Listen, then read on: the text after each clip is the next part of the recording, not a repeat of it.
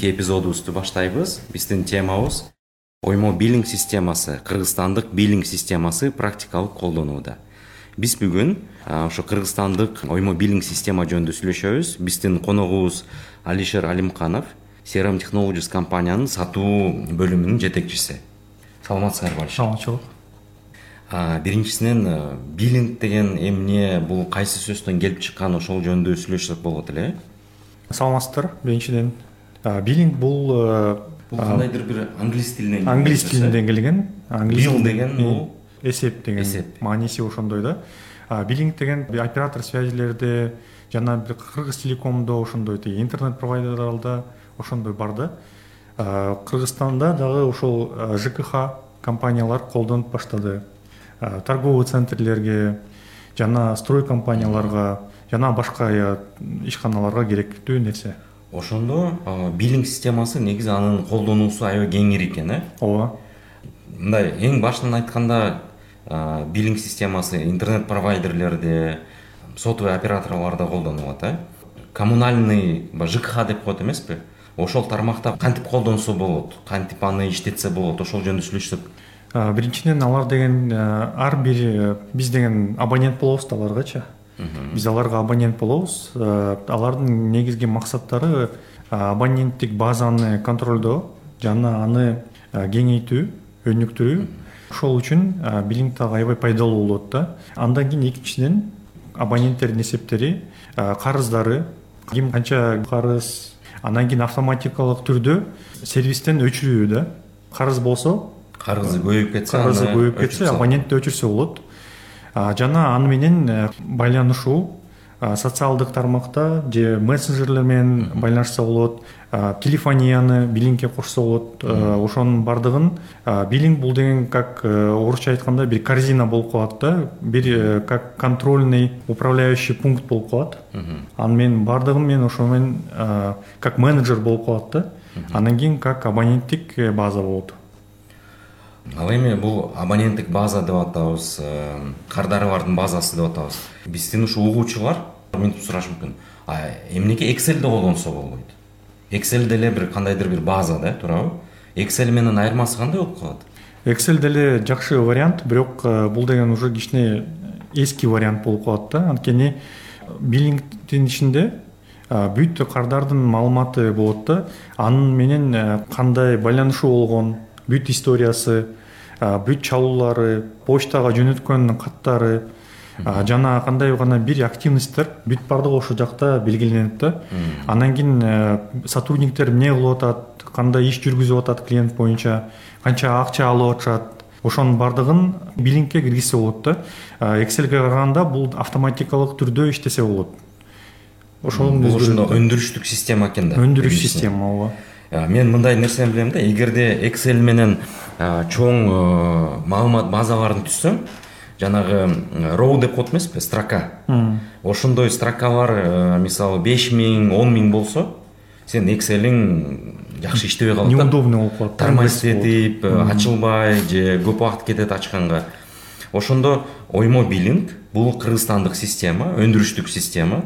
Анан эң негизги булардын кардарлары жкх сфера деп кеттик туурабы. Ооба туура айтасыз. Кайсы бизнестер? Оймо биллингдин кардары боло алат. Өзүңөрдүн практикадан кимге оймо биллингди сунуштадыңар? Ошол индустрияларды айтып кетсеңер кайсыларга жардам бере алат оймо биллинг оймо биллинг биринчиден жкхга жардам бере алат. Коммуналдык компанияларга. Таштанды чыгарган компаниялар барго ошолорго жардам бере алат. Водоканал компанияларга жардам бере алат. Строй компаниялардын управляющий компанияларга жардам бере алат. Анткени алар дагы абоненттик төлөмдөрдү алышат да. Светке мусорго жана газга жана башка услугаларга сервистерге алышат. Ошого жардам бере алат да биллинг торговый центрлерге жардам бере алат бизнес центрлерге. Анткени алар деген арендага беришет өзүнүн недвижимостинчи ошолорго дагы ижараларга берилген офистерди ошолорду дагы киргизсе болот. Бул жерде бир мындай негизи чыгып атат да. Оймо биллинг. Эгерде кардарларга ай сайын же кандайдыр бир период сайын аларга счет чыгарам десең аны кол менен чыгарбай экселден күн сайын жасабай көп убакыт кетирип. Оймо биллинг ошол счетторду мисалы суу деп коелук же баягы мусорду чыгара турган компаниялар э алар ай сайын эле э, миңдеген э, абоненттерге счетторду чыгарат да эгерде аларда биллинг системасы жок болсо алар эксель менен эле ар кайсы абонентти чыгарып анан аны печатка жиберип ошентип кол менен иштешет. Кол менен иштешет. иштешет. Ошо эмени айтып кетсем деп ойлоп аткам биздин кейсибизди реалдуу кейс. Тазалык сервис деген компания бар. Алар деген таштанды чыгаруу боюнча компания ну алардын абоненттик базасы деле э, чоң жыл массивтерде иштешет. Алар бизге кайрылган ошо негизги көйгөй проблемалары булар төмөнкү болчу да. Биринчиден контроль жок болчу абоненттик база менен. Кандай иштеп атканын эсептерди жөнөтүлүп ататпы же жөнөткөн жокпу. Үчүнчүдөн карыздар боюнча иштеген контроль жок болчу. Анан кийин төртүнчүсү бул деген контролерлору бар болчу алар бар да алар деген тиги ар бир үйүнө кирип акчасын чогултушат экен да. Анан кийин ошону акчаны алып келиш керек офиске. Ошону дагы контролдош керек болчу. Жана кассага акчаны төлөгөндө кайсы абоненттен канча алдың канча беришиң керек ошонун баарын такташ керек ошо квитанцияны дайыма көтөрүп жүрүш керек болчу. Андан кийин э, жазыш керек болчу кол менен. Анан кийин кайра ошол акчаны барып төлөш керек болчу. Анан кийин оймо биллинг кандай жардам берди ушул биллинг э, абоненттик базаны киргизүү боюнча жардам берди экинчиден контролерлордун жумушун кичине жеңилдетүү жеңилдетүү болду анткени биз аларга телеграм бот разработка кылдык телеграм ботту оймо биллинг менен интеграция кылдык анын жумушу кандай болду мен контролер сизге келдим мен сизге айттым вот акча төлөңүз мен келдим сиз мага акча бересиз менде кичинекей принтер бар мен ошол принтерден квитанция чыгарып берем ошол принтер телеграм бот аркылуу оймо биллинг менен түздөн түз интеграциясы бар реал и мен карызымды көрсөтүп берет карызыңызды көргөзүп берет бүт маалыматыңызды телеграм боттон чыгарат мен билем канча акча мен алам сизден акчаны алып туруп эгерде мисалы менин карызым эки жүз сом болсо сен контролер болуп келдиң мен айтып атам мен эки жүздү бербейм мына беш жүздү берип салайынчы алдын ала төлөп ошол мындай системадан көрүнөбү мен беш жүз төлөгөнүмдү эки жүз сом карызымды жаап анан үч жүз сом бул баягы переплата переплата. болуп калат э, ошол көрүнөт да көрүнөт ооба мен тиги телеграм ботко өзүмдүн колум менен киргизем мен беш жүз сом алдым деп. Анан системага фиксация болот квитанциядан көрсөтөт квитанциядан көргөзөт что мен беш жүз сом алдым. Анан кийин тиги офисте отурган менин жетекчилерим бүт маалыматты көрөт. Бул абдан ыңгайлуу ошондо эгерде ай сайын жүз сомдон төлөнө турган болсо мен беш жүздү бердим эки жүз сом карызым бар болчу. Мага үч ай эч ким мага келбейт. ооба ооба. Ошондо да мен анда ошол өзүмдүн күчүмдү кетирбей мен сиздин үйүңүзгө келбейм. Мен башка абоненттерге барам да. А эгерде контролер келген жок деп коелук бирок мен ошо тазалык сервистин номерин билем. Мен ага чалсамчы мен ушундай э, дарек менен э, жайгашкан үйдөмүн менин карызымды билип бергиле десем алар мага айтып беришет айтып беришет. Анан кийин э, айтып бергенден дагы тышкары биз деген интеграция кылдык платежный системалар менен. Кайсылар менен кылдык? Paybox менен кылдык. Анан кийин pay двадцать четыре менен кылдык. Ошол жака абоненттер барып төлөсө болот да терминалдан эле төлөсө болот.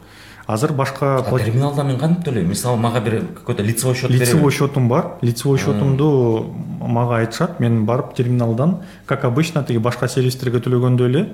Жана тазалык сервис деп кнопкасын табам. табам басам лицевой счетту киргизип туруп акчасын киргизип туруп квитанция биллингде көрүнүп калат? Биллингде көрүнүп калат мен төлөгөнүмдү кийин ал платежный система менен интеграция бар. Азыр башка платежный системалар менен дагы интеграция кылып атабыз. Негизи чектөө жок да башка системалар менен интеграция ооба. кыргыз почтасы менен жана башка платежный системалар менен умай менен жана башка системалар менен дагы иштеп болуп атат да иш жүргүзүп атабыз ошол боюнча. Ошондо мисалы ошо тазалык сервис бул таштандыларды чогултуп уборка кылган компания экен э? Ооба. Алар өзүнчө абоненттердин базасын түзүштү төлөмдөрдү карап көрө алат карыздарды көрө алат абоненттер өздөрү деле контролерго кайрылбай терминалда мисалы pay двадцать четыреге барып төлөй алат өзүнүн лицевой счет аркылуу. Эгерде администрацияга кайрылса менин карызым кандай менин переплаталарым кандай ошонун баарын биле алат экен ооба ооба. Абдан ыңгайлуу болуп эми бул абоненттик жагы деп коелук э. ошол компаниянын жетекчилери кандай кандайдыр бир э, отчет статистиканы деле көрө алат да. Ооба сөзсүз. Аларга отчетторду дагы э, түзүп бердик. Алар деген э, стандартуу түрдө отчетторду эң негизи бул карыздарды көрөт. Карыздарды көрүшөт канча абоненти бар канча карызы бар кайсы көчөлөрдүн канча көчөлөрдү бүт баарын көрө алат да. Ким злостный неплательщик ошонун баардыгын көрө алат. Өжөрлүү неплательщиктер экен өжөрлүү. Түшүнүктүү аябай жакшы мындай маселелерди чечет экен эгерде биз ушу уборка мусора деген тармакты алсакчы дагы кайсы жкх тармагында кандай маселелерди чече алат мисалы башка сфераларда. Дагы бир кейсти айтып кетсем бул домофонный компания. Жанагы эме чалып мен келдим ач деген ошол э? Ооба алар деген тиги ар бир үйгө ошондой домофонный устройствону коюшат. Анан кийин ай сайын абоненттик төлөм алып турушат ар бир жашоочудан. Менде деле бар бизде элүү сом айына. И алар деле ошончо алышат да. Бирок башында отуз беш сом болчу. Анан калиткага койгондон кийин дагы он беш сом кошуп элүүдөн төлөп калдык да. Ошондо аларда деле биллинг бар экен да э? Аларга дагы биллинг керек. Алар деген ошо тиги тазалык сервиске окшоп абоненттик базаны киргизишет негизги ошо абон база экен? Абон база ошол абонентский базаны киргизип алардын дагы карыздарын көрүп турушат. Андан биллингден тышкары биз аларга IP ATS кичи станцияны дагы орнотуп бердик.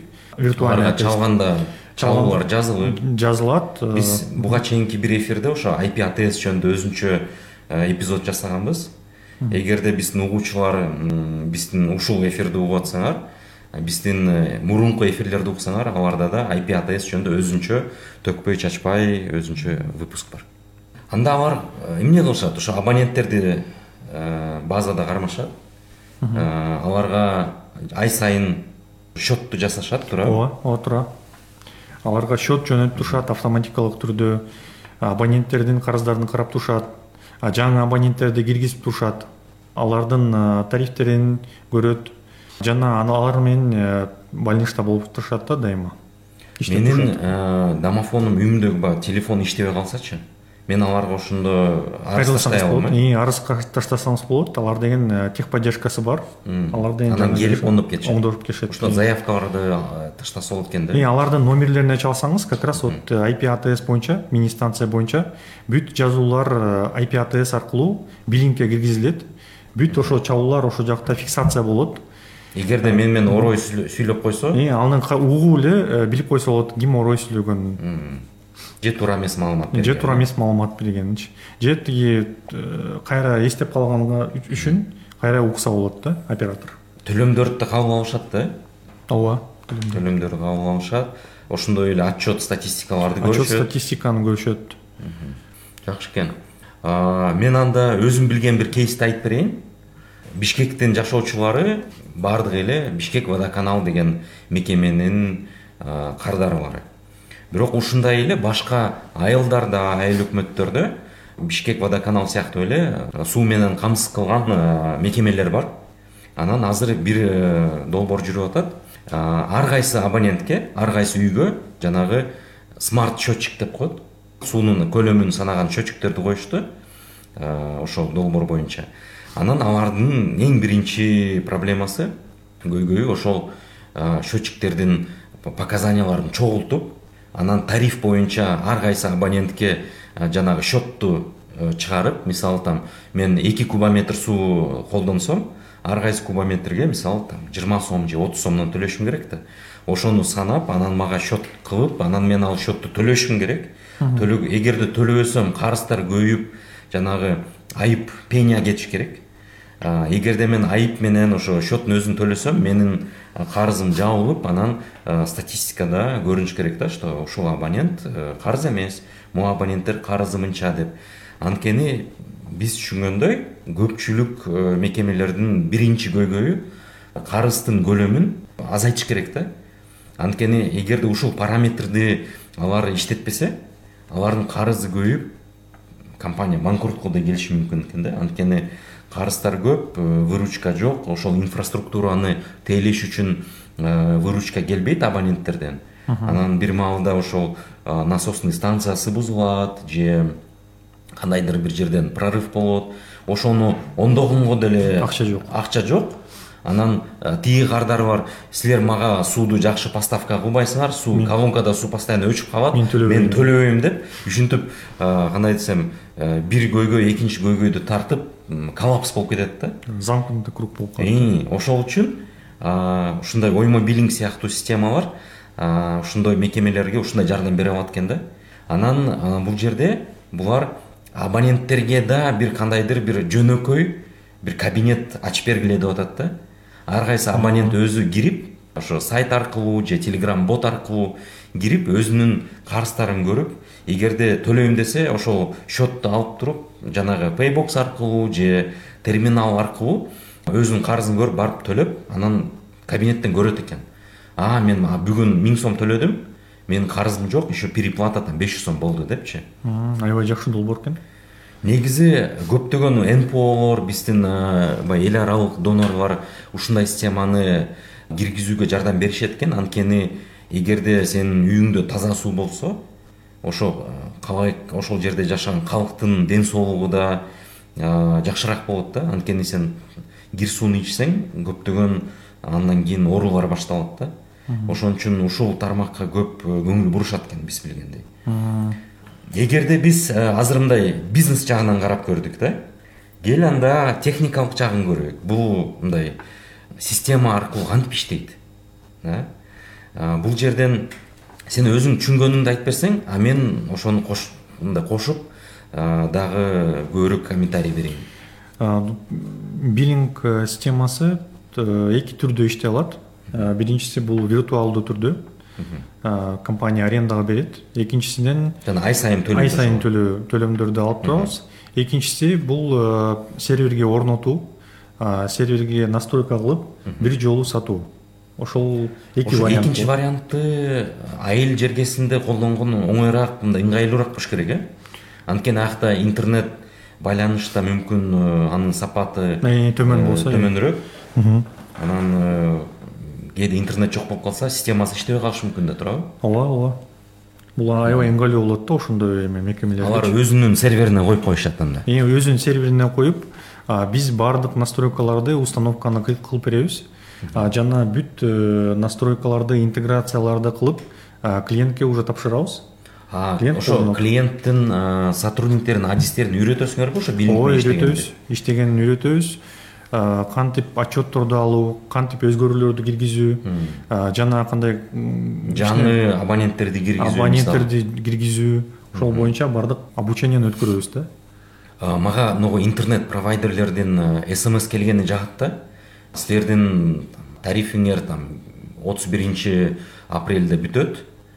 Абоненттик төлөмдү төлөгөндү унутпаңыз интернетиңиз өчүп калат деп. Ошондой кылып койсо болобу? Ооба ошондой ошондой кылса болот коннекторду кошсо болот смс операторлордун жана андан да тышкары башка мессенджерлерди дагы колдонсо болот. Whatsappты дагы колдонсо болот телеграмды дагы колдонсо болот. Экен ошондо унутпайсың да төлөгөндө унутпайсың. Кээ бир жерде там мен например смстерди карабай делем да. Бирок whatsappты же телеграмды сөзсүз ачып карайм да. Ошондо анда whatsapp деле кошуп койсо болот экен. Whatsappты деле кошсо болот. Ошондой эле сообщение келет урматтуу алишер сиздин там мусорду чыгаруу кызматы боюнча мынча карызыңыз бар төлөңүз деп. Ооба. Анан кийин мен жооп берсем ошол менин жообум дагы биллингке дагы киргизсе болот. Ушундай whatsapp рассылка боюнча кандайдыр бир кейс барбы? Мисалы кыргызстанда же казакстанда долбоор бар болсо. Азыр э, бир долбоорду бир долбоор боюнча иштеп атабыз казакстанда. Э, проекти ошол проект жана ноу хау деген грант боюнча э it грант. it грант боюнча. Алар дагы таштанды боюнча иштешет. Ошондо ebr crm технологическе ошондой гранттарды бере алат экен э чтобы автоматизация биз дагы ошол боюнча иштейбиз аякта whatsapp рассылка кылабыз. Аякта дагы crm системаны колдонушат бүт абоненттерди киргизип анан кийин ай сайын аларга whatsapp менен рассылка кылышат. Анан кийин абоненттердин төлөмдөрүн көрө алышат да. А ошо whatsapp рассылка кылганда ар кайсы абонентке өзүнчө э, мындай билдирүү келет да э же стандарттык түрдө келеби? Өзүнчө деле кылса болот. Мисалы мен мага ошондой сообщение келсе whatsappка мен өзүм карызымды көрө аламбы ооба көрө аласыз. Карызды көрө алам. Кайсы абонент лицевой счет баарын көрсөтүп Ооба. смсдей эле анан кийин э, аяка деле чат ботту кошсо болот мага смс рассылка же whatsapp рассылка келди. Мен ага Менде суроо туулду. суроо э, суроо пайда болду. Сиз жазасыз. Анан кийин э, чат бот уже аяктан жооп берет да.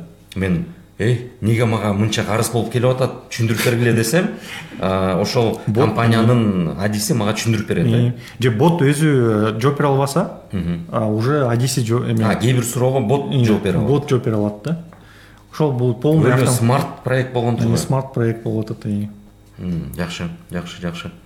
Андан эгерде ары кетсек оймо билинг система катары ошо клауд облачный серверге орнотулат же кардардын өзүнүн серверине орнотулат. Ооба А анын ичинде эмне бар негизи эмнеден турат ошо оймо билинг ал баягындай компьютерге кое турган э, тиркемеби же браузерде иштей турган э, системабы кандай ал жок ал браузерден иштейт Э, браузер менен эле эч кандай установка кылышы керек установка жок кылышы кылы- кереги жок анткени браузер ар бир компьютерде бар.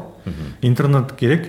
Ошол браузер аркылуу эле адрести киргизесиз IP адрести анан кирип эле э, логин и пароль менен кирип иштей бересиз. Ошондо ар кайсы адиске өзүнүн логин паролу берилет ким эмне кылганы көрүнөт экен. Э, права доступу бар. Э, ар бир эменин э, адис эмне кылып атканын көрүнөт историясы эгерде бир адис жаман маанай менен компаниядан кетсе эгерде ал бирдемкени бузуп кетем десе биз аны көрөбүз эмне кылганын туурабы. Ооба аны деле превентивно кылса болот. Э, эч кандай удалениени кылбай же копирование кылбай сразу эле жаап жана доступтарды жаап доступтарды жаман гана көрө турган же бирдемке Э, атайын өзүнүн редактирование. ишине карата э? Э, ооба анан кийин дагы бир кошумча кылып койсом а, биллингти платежный системаны менен эмес атс менен эмес дагы 1с менен дагы интеграция кылса болот керек болсо. Айтор 1с деген көпчүлүк компанияда эле турат да? Ооба ошондо 1с менен азыркы маалда оймо биллингдин кандай десем интеграциясы бар.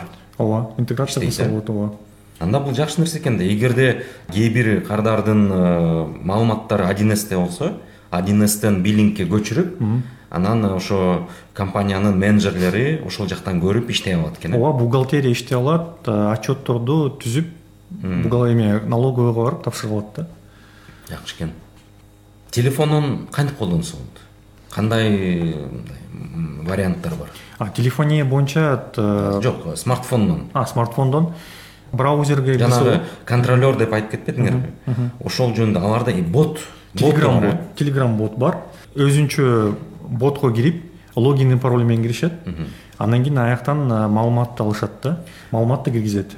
Ошондо телеграм бот болгондон кийин ага ios android айырмасы жок. Айырмасы жок, кросс платформенный болуп кетет ооба эми разработка кереги жок. Анткени телеграм ар бир э, Ар кайсы смартфондо эле иштейт. ар кайсы смартфондо иштейт да ошондо э, мисалы көпчүлүк адамдын смартфондо мындай бир э, мындай десем көйгөй бар. Память толуп калат да ошондой тиркемелер мененчи ошол тиркемени жүктөбөй эле э, памятьти жебейт телеграмдын ичинде эле өзүнчө бул кандай десем телеграм мессенджердин ичинде тиркеме болуп калат экен ооба ооба сөзсүз ошондой а кандай функциялар бар ошондо ошо боттун эмне кыла алат контролер же ошол оймо биллингдин адиси биринчиден логин пароль менен кире алат авторизация авторизация кылса болот А, чужой адам ошо бот таап алса деле кире албайт кире албайт ооба безопасность экинчиден аяка кирип өзүнүн районун көрө алат бул деле абдан ыңгайлуу да анткени базанын баардыгын эмес өзүнө тиешелүү өзү курировать эткен районду же квадратты көрө алат э? Ооба өзүнүн районун өзүнүн үйлөрүн анан кийин өзүнүн абоненттерин көрө алат. Канча ким карыз? Анан кийин э, тапкандан кийин сизге келгенден кийин сиз акча бергенден кийин ошонун маалыматты киргизүү. Мынча төлөдү деп, мынча төлөдү деп. Анан кийин биллингден жооп келет. А, квитанция менен ал квитанцияны а, мобильный принтер менен распечаткалап эле клиентке берсе болот. Көбүнчө ушул көйгөй болуп калат да мен сага акчаны бердим мага ошону бир квитанция бер подтверждение бер деп.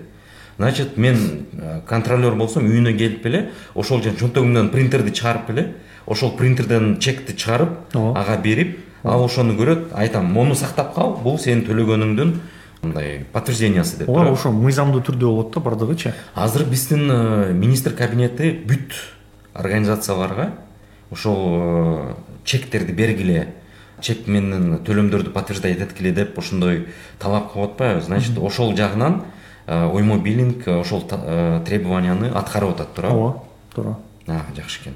Эми бүт эле системалар техникалык системалар аларда кандайдыр бир тобокелчиликтер бар. Анан рисктер бар да. Анан эгерде сервер иштебей калса же сервер менен бирдемке болуп калса маалымат жоголобу жоголбойбу кандай кылса болот ошол жагын? аяктан резервный хранилище кылса болот копирование бэкаптарды бэкаптарды кылса болот. Бир серверге бүт баарын сактабай эле башка компьютерга дагы сактаса болот. Флешка менен чыгарып ошол жакта да сактаса болот да абоненттик базаны. Бүт маалыматты ошондо биздин серверибиз э, бузулат маалымат жоголот деп ошол риск азайып башка бир жерге дагы ошонун копиясы кете берет экен ооба ооба. Ошондой кылса болот. Ошондо рисктер төмөн болот да? Окей ал эми ар кайсы компаниянын өзүнүн талаптары бар? Бирөөсү мусор баягы э, мусорду чыгарат экинчиси суу поставка кылат үчүнчүсү мисалы ошо домофондор менен иштейт экен төртүнчүсү лифттерди обслуживание кылат деп коелук да? Ар кайсынын өзүнүн талаптары бар анан э, оймо биллингдин командасы ар кайсы компанияга бирдей функционал береби же эгерде бир жерден бир аз өзгөртүп э, жанагы абоненттин карточкасын өзгөртүш керек болсо ошону өзгөртүп бере алабы? Өзгөртүп бере алабыз. Анткени биз деген э, как гибкий подход кылабыз. Ар бир абонентке ар бир клиентке. Карточканы өзгөртсө биз өзгөртөбүз да. Ошондо силерде өзүңөрдүн разработчиктер бар. Өзүбүздүн разработчиктерибиз бар бере алат проектный менеджерлер бар алар оңдоп беришет да баарын ошонусу жакшы экен. Анткени көптөгөн жана облачный сервистер аларды алсаң вот алар мынтет да вот бизде могу функция бар. Кандай болсо ошол боюнча колдонууга биз силерге эчтекени өзгөртүп бере албайбыз. Эгерде өзгөртөбүз десеңер жарым жыл бир жыл күткүлө эгерде башка кардарларды ошону сураса биз силерге өзгөртүп беребиз дешет а оймо командасы эгерде ушул кардар мага могу могу жерин өзгөртүп бер десе эми мындай ойлоштуруп көрөйүк эки үч өзгөртүү киргизет бирок ал кичинекей өзгөртүү аны өзгөртүп берет а эгерде мындай чоң өзгөртүү болсо алар кантип өзгөртөт аны чоң өзгөртүү болсо биз деген карап көрөбүз вообще абоненттик төлөмдүн ичине тех задание түзүш керек абоненттик төлөмдүн ичине техподдержка кирет техподдержканын ичине биз деген ошону киргизе албасак тех задание түзүлөт тех задание боюнча биз ошо ай сайын төлөгөндүн ошодон сырткары төлөш керек сырткары төлөш керек болуп калат. Тех задание кылабыз. Андан кийин ошол жактан тиги жумуштун бүт э, көлөмүн объемун көрөбүз. И ошого жараша анан кийин санап беребиз да. Суммасын төлөп берет э жакшы экен ошонусу. Анткени ар кайсы компаниянын өзүнүн э, талаптарына туш келип оңдоп берет экенсиңер да системаны ошону өзгөртүп кәдимги индивидуальный подход болот ар бир кишиге төлөмдөр жөнүндө сүйлөшсөк негизи көпчүлүк биллинг э, система ошо төлөмдөргө байланышкан. Кантип иштейт бул. Мисалы мен терминалга келейин. Айырмасы жок кандай терминал? Мен ошол жака келип туруп кнопканы табышым керек э? Мисалы там вывоз мусора дегенди. Ошонун арасынан мисалга тазалык сервиси табабыз ошол кантип иштейт мен э, киргизгенде мен көпчүлүк көрөм да ошону тапсам анан лицевой счетту киргизсем менин фамилиямды көрсөтөт да. Кантип иштейт ушул негизи? Анткени интеграция бар бул платежный система менен. Бул ошол терминал лицевой счетту алып туруп биллингке кайрылат экен кайрылат. а биллингке жооп берет. Сиздин туура мындай бар деп э? Сиздин фамилияңызды жөнөтөт кайра. Андан кийин ошо экранда чыгат да. Ошонусу жакшы экен да. Анткени эгерде мен лицевой счетту туура эмес киргизип ооба башка бирөөгө киргизип салсам мен көрөм а бул жумашев экен деп. Анда туура менин өзүмдүн счетума түшөт ооба туп туура жана paybox деп кеттиңер paybox бул кантип иштейт эмнени төлөсө болот payboxтан? Paybox бул агрегатор төлөмдөрдүн агрегатору. Ичине pay двадцать четыре кирет жана банктардын сервистери кирет башка терминалдар кирет банктын сервиси бул ошондо карталарбы карталар менен төлөсө болот виза менен төлөсө болот эл карт эл карт эл карт менен төлөсө болот эл сом менен төлөсө болот жана башка терминалдар менен да? Жакшы экен да анда кошелектор менен дагы ошо потенциалдуу оймо биллингдин кардарларына сунуш. Эгерде оймо биллингди колдонсоңор paybox сервисин да кошуп алууга анткени силер э, абоненттерге мындай чоң выбор берет экенсиңер да эмне менен төлөшкөнгө карталуу электрондуу капчык болобу ошо менен төлөй берсе болот экен кардарларга аябай ыңгайлуу анткени ар бир ар бир сервис менен интеграция кылбай эле бир сервис менен интеграция кылынат да. Бир жерден төлөнөт бир жерден интеграция кылынат. Жакшы экен жана айтып кеттиңер ушул жкх тарабындагы компания бизнестерге оймо биллинг аябай жакшы мындай туура келет алардын ишин автоматизация кылганга андан тышкары бизнес центр торговый центр деп айтып кеттиңер аларга деле колдонсо болот экен туурабы ооба аларга да колдонсо болот анткени алардан ижарага офистерди беришет да.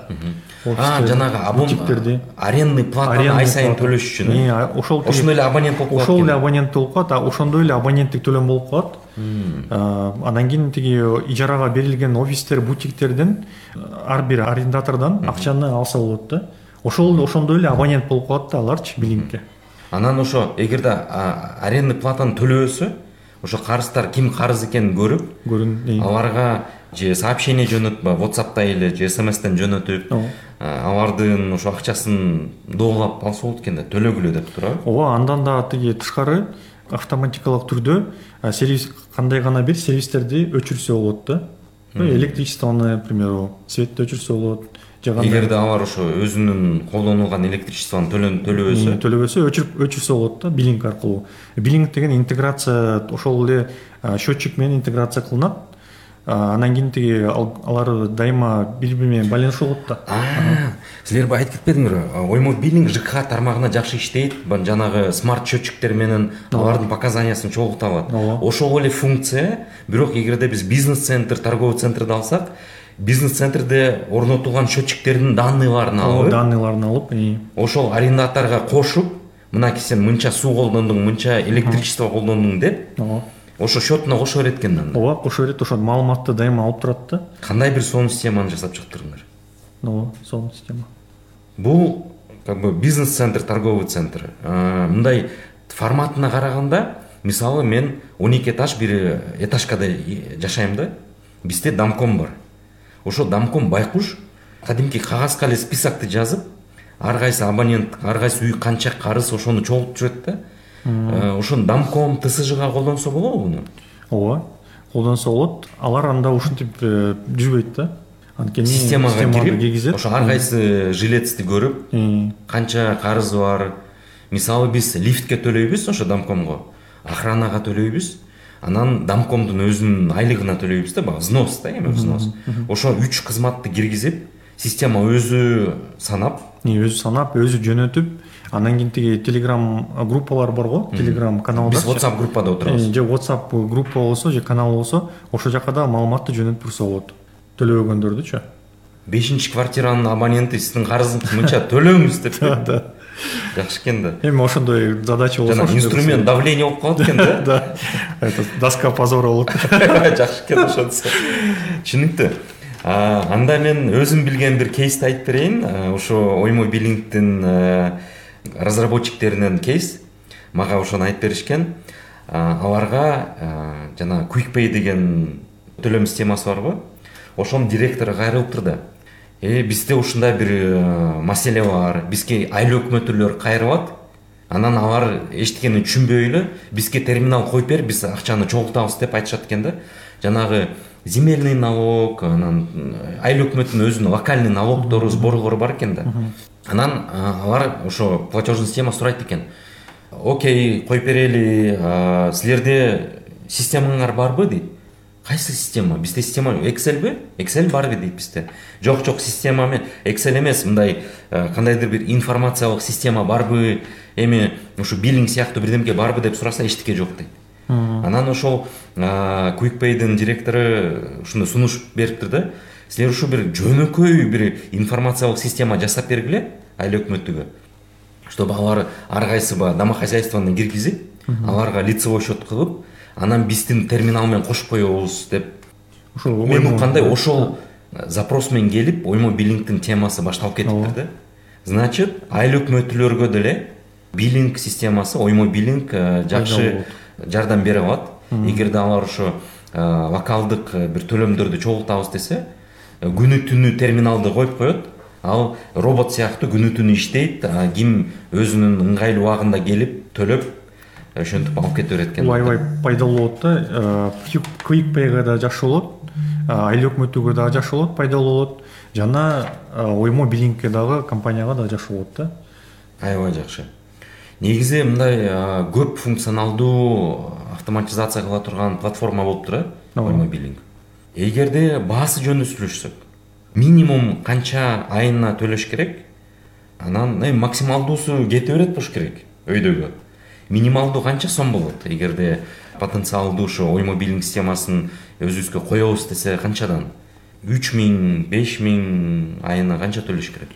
Абоненттик э, базага жараша болот бирок стандарттуу баалардын если минималдуу түрдө айтсак бул алты миң сомдон башталат да. Алты миңден ооба жакшы системаны алыш үчүн алты миң. Эми индивидуалдуу деле сүйлөшсө болот болуш керек э? Эгерде абоненттик база аз көп ресурс жебей турган долбоор болсо мүмкүн азыраак деле чыгат ооба а так э, беш алты миң сомдон башталат экен ал тарифтер э? Туура а эгерде өзүңдүн серверине коем десе аны уже өзүңчө сүйлөш керек э? Өзүнчө сүйлөшөт түшүнүктүү.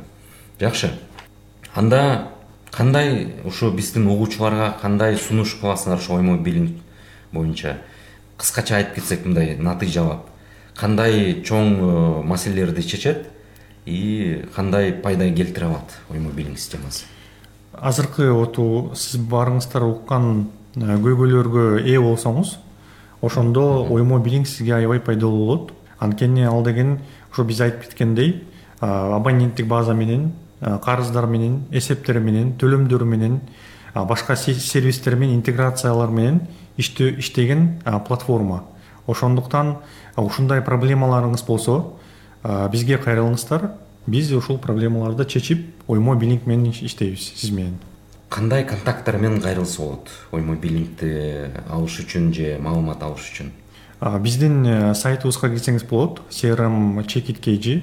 Же whatsapp номерибизге жазсаңыз болот жана биз инстаграмда дагы барбыз фейсбукта дагы барбыз биздин компания. Ошол жака жазсаңыз ал бүт чаттар бизге келет биз ошол жактан жооп берип сиздер менен байланышабыз. Негизи анда оймо биллингден гуглдан деле запрос кылса сайт чыгат же crm technologies десе деле сайт чыгат ошол сайтта чаттарга кайрылып же телефонго чалып ошо маалыматты алса болот э? ооба биз жооп беребиз. Биз сиздер менен иштеп бүт маалыматты беребиз. Жакшы рахмат. Аябай кызыктуу көптөгөн сферага пайдалуу сервис жасап чыгыптырыңар силерге ийгилик. Биздин угармандарга да рахмат. Рахмат сизге чоң